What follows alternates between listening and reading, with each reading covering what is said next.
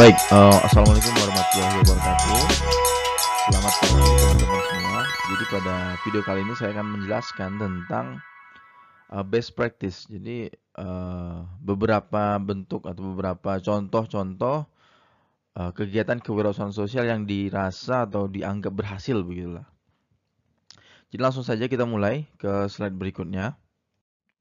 Nah, ini kita awali dengan sebuah perusahaan sosial, sebuah bentuk kegiatan kewirausahaan sosial yaitu PT Sobi atau Social Business Indonesia. Jadi sebenarnya PT Sobi ini adalah uh, anak atau anak usaha atau anak unit dari sebuah NGO dari LSM yang kebetulan dia sudah berdiri sejak tahun 1995. Nah, seperti se sebagaimana saya jelaskan pada pertemuan sebelumnya bahwa terkadang NGO atau LSM ini kan punya uh, punya semacam perpanjangan tangan atau punya semacam uh, unit kecil lagi di bawahnya yang berfungsi untuk melakukan kegiatan-kegiatan ekonomi dalam rangka uh, untuk memastikan bahwa kegiatan sosial yang dilakukan oleh LSM ini dapat berlangsung uh, dalam jangka waktu yang panjang, sustainable begitu. Nah, di PT Sobi ini sendiri mereka me membina atau memberdayakan uh, para petani kayu lah, para petani kayu yang kemudian diberikan sertifikasi, diberi ke sehingga kualitas produk termasuk kualitas proses penanaman daripada uh, kayu tersebut uh, terukur atau terstandarisasi. Jadi kemudian para petani tersebut mendapatkan keuntungan dalam bentuk apa? Itu dalam bentuk trust ketika mereka ingin melakukan uh, mungkin ekspor atau melakukan atau menjual produk-produk kayu yang uh, sudah mereka tanam. Jadi dengan demikian ketika uh, hasil tanam mereka memiliki sertifikasi, para petani memiliki bargaining position. Mereka punya posisi tawar yang kuat untuk menjual uh, apa kayu-kayu hasil dari tanam yang sudah uh, mereka tanam sebelumnya begitu. Kemudian ini selanjutnya yaitu saya rasa teman-teman sekalian sudah tahu, kita semua sudah tahu bahwa Muhammadiyah termasuk salah satu organisasi uh, berbasis keagamaan terbesar di Indonesia di selain NU tentunya ada Muhammadiyah juga. Nah, kemudian kita melihat sendiri bahwa memang Muhammadiyah ini banyak sekali melakukan kegiatan-kegiatan sosial yaitu dalam bentuk uh, mungkin pemberian bantuan, dalam bentuk pemberian uh, beasiswa kepada uh, masyarakat masyarakat yang tidak mampu atau yang kurang mampu. Nah, kemudian bagaimana cara mereka memastikan bahwa kegiatan sosial mereka ini dapat berlangsung dalam jangka waktu yang lama? Kita tahu bahwa Muhammadiyah juga melaksanakan beberapa bisnis-bisnis, terutama dalam dalam bidang kesehatan. Kan kita tahu ada rumah sakit rumah sakit Muhammadiyah, PKU Muhammadiyah, kemudian juga ada beberapa sekolah-sekolah yang itu dibina langsung oleh eh, pengurus-pengurus Muhammadiyah gitu Nah, lewat lewat dari kegiatan-kegiatan bisnis tersebut, Kemudian keuntungan yang mereka peroleh, peroleh tidak tidak seutuhnya atau tidak sepenuhnya diberikan kepada para uh, para pendiri atau para pemilik uh, atau para pengurus organisasi Muhammadiyah, tapi hampir sebagian besar itu diinvestasikan ulang untuk kegiatan sosial dalam bentuk misalnya mendirikan fasilitas-fasilitas baru, mendirikan rumah sakit baru, mendirikan sekolah-sekolah baru yang kemudian uh, fasilitas-fasilitas ini akan dijadikan sebagai eh, bentuk-bentuk uh, atau alternatif-alternatif untuk kegiatan ekonomi sehingga keuntungan-keuntungan mereka yang mereka dapatkan bisa lebih banyak, bisa berlipat ganda. Kemudian mereka dengan harapan dalam jangka waktu panjang tetap bisa uh, apa, melakukan kegiatan-kegiatan sosialnya seperti tadi memberikan bantuan beasiswa atau kemudian memberikan pelayanan kesehatan gratis kepada masyarakat yang kurang mampu. Nah, seperti itu. Nah, ini kita kembali ke pada masa era kolonial dulu, pada zaman dulu. Saya tahu teman-teman sekalian pasti mengerti atau pernah mendengar nama Kartini.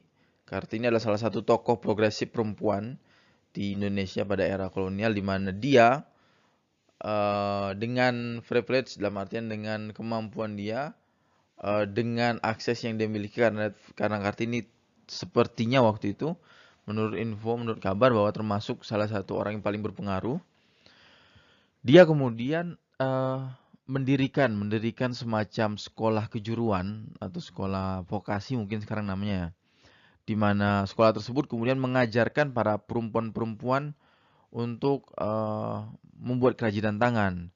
Di samping itu juga Kartini kemudian me memberikan akses kepada perempuan terhadap pendidikan-pendidikan non formal. Jadi dulu itu di masa era kolonial uh, perempuan sangat sulit atau dibatasi untuk terlibat dalam uh, dunia pendidikan. Mereka tidak punya tidak punya akses. Jadi hanya hanya laki-laki dan itu pun hanya laki-laki yang ber, yang turun dari bangsawan gitu. Nah, dalam dalam dalam konteks pada waktu itu Kartini kemudian memberdayakan uh, para para perempuan di desa dengan itu dengan melatih melatih kegiatan-kegiatan yang sifatnya kejuruan, yang sifatnya uh, ke, salah satunya menghasilkan kerajinan tangan. Kemudian kerajinan tangan itu dijual sebagai dana atau sebagai uh, supporting lah funding untuk biaya operasional dari kegiatan kewirausahaan eh, kegiatan sekolah Kartini ini. Nah kemudian ini yang selanjutnya ada dari Yogyakarta sendiri yaitu rumah uh, rumah budaya Tembi. Jadi ini termasuk salah satu museum pribadi di mana di dalamnya terdapat banyak informasi berkaitan dengan budaya-budaya Jawa mulai dari uh, mulai dari kesenian, tarian gitu.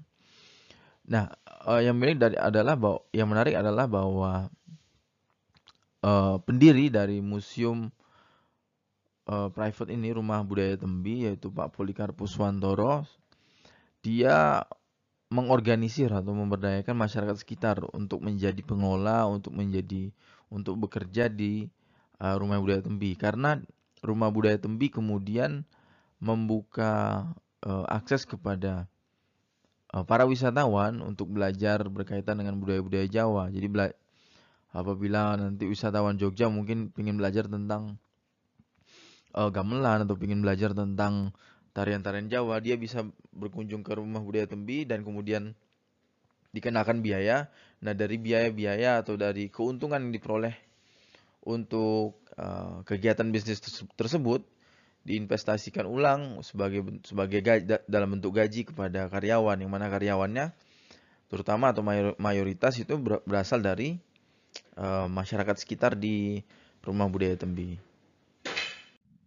Nah selanjutnya yaitu ada dari Sukacita. Sukacita ini berdiri pada tahun 2016 didirikan oleh seorang perempuan dan yang menariknya adalah Sukacita ini menja kemudian memberikan akses kepada para pegiat seni terutama terutama pengrajin batik, fashion uh, yaitu pakaian lah intinya untuk mengakses pasar internasional.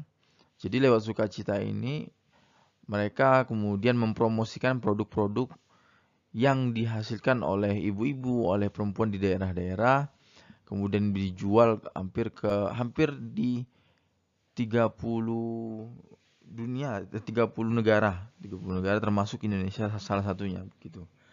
Dan kalau kita lihat jadi memang ini menjadi salah satu bentuk kewirausahaan sosial yang paling menarik karena sudah merambah kancah internasional. Dan target dari uh, kegiatan sosialnya juga sangat sangat spesifik yaitu sudah langsung kepada perempuan. Ini kemudian selanjutnya yaitu Amarta. Amarta ini salah satu uh, financial tech lah, sebuah teknologi keuangan di mana dia memberikan uh, akses kepada perempuan terutama ibu rumah tangga yang memiliki usaha dalam skala kecil gitu ya UMKM untuk uh, mendapatkan pinjaman modal untuk mengembangkan bisnisnya.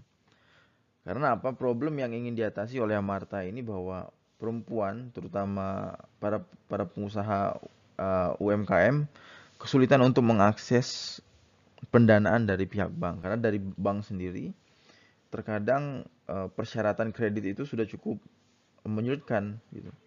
Nah, kemudian Amarta ini hadir harapannya adalah untuk mengisi gap, untuk mengisi kekosongan yang tidak bisa tersentuh oleh bank ini.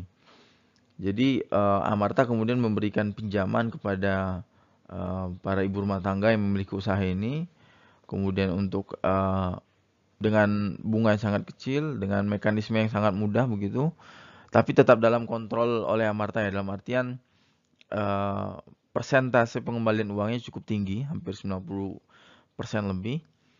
Nah, jadi Amarta itu memberikan bantuan kepada ibu-ibu untuk mengembangkan uh, bisnisnya. Harapannya adalah dengan dengan modal ini ibu-ibu uh, para pebisnis UMKM tersebut dapat mengembangkan usahanya sehingga lebih uh, lebih masif lagi mungkin skalanya, kemudian juga secara kualitasnya jadi menjadi lebih baik gitu. Nah, kemudian ini ada beberapa uh, contoh kewirausahaan sosial yang sudah saya rangkum begitu. Dari Aceh sendiri ada salah satu contohnya Pelangi Sop Aceh. Nah, jadi bergerak di sektor konsumsi. Usahanya adalah uh, memberdayakan para petani garam dan juga masyarakat duafa. Kemudian teman-teman juga bisa melihat di slide ada uh, dari Jogja sendiri ada dua Luang Art yaitu bergerak di sektor ekonomi kreatif dalam artian mereka itu mengolah limbah, limbah koran bekas, tabloid, kemudian diproses uh, menjadi produk-produk seperti gelang atau sendal atau cermin, kemudian tas juga atau menjadi uh, lampu baca, menjadi kotak tisu begitu. Kemudian dari Jawa Timur itu ada namanya uh, Abang Sayur bergerak di bidang pertanian, perikanan dan perkebunan. Eh, kegiatan usahanya yaitu membantu perekonomian para petani organik untuk uh, meningkatkan dan juga uh, membantu orang yang memerlukan sayur serta makanan sehat. Jadi uh, abang sayur ini sebagai salah satu bentuk kewirausahaan sosial menjadi perantara itulah antara petani yang memiliki produk-produk organik yang kemudian ingin dijual dengan para uh, calon pembeli yang membutuhkan makanan-makanan organik dan juga sehat begitu. Selanjutnya ini slide slide terakhir. Dari Jakarta sendiri ada namanya itu Beli Jelanta, bergerak di bidang energi dan juga lingkungan. Bahwa kewirausahaan sosial ini adalah sebuah platform teknologi. Jadi dia ber dia berbentuk tech, ya, teknologi yang kemudian menghubungkan pemilik minyak jelantah dan juga perusahaan biodiesel. Jadi uh, minyak jelantah ini kemudian tidak dibuang oleh uh, mungkin ibu rumah tangga ataupun para pelaku-pelaku usaha kecil. Akan tetapi kemudian bisa di nominalkan lah, bisa dijual kembali sehingga sehingga menjadi menjadi uang gitu. Dan dan juga sudah ada perusahaan-perusahaan biodiesel yang mampu atau meneri, atau mau menerima produk-produk dari uh, minyak jelantah yang dijual oleh uh, rumah tangga serta para pelaku UMKM gitu. Selanjutnya ada dari kitabisa.com ini juga masih sebuah platform digital yang bergerak di bidang pendanaan. Menjadi dia memberikan fasilitas kepada para mungkin crowdfunding crowdfunder ya. Jadi orang-orang yang membutuhkan dana dalam jumlah besar.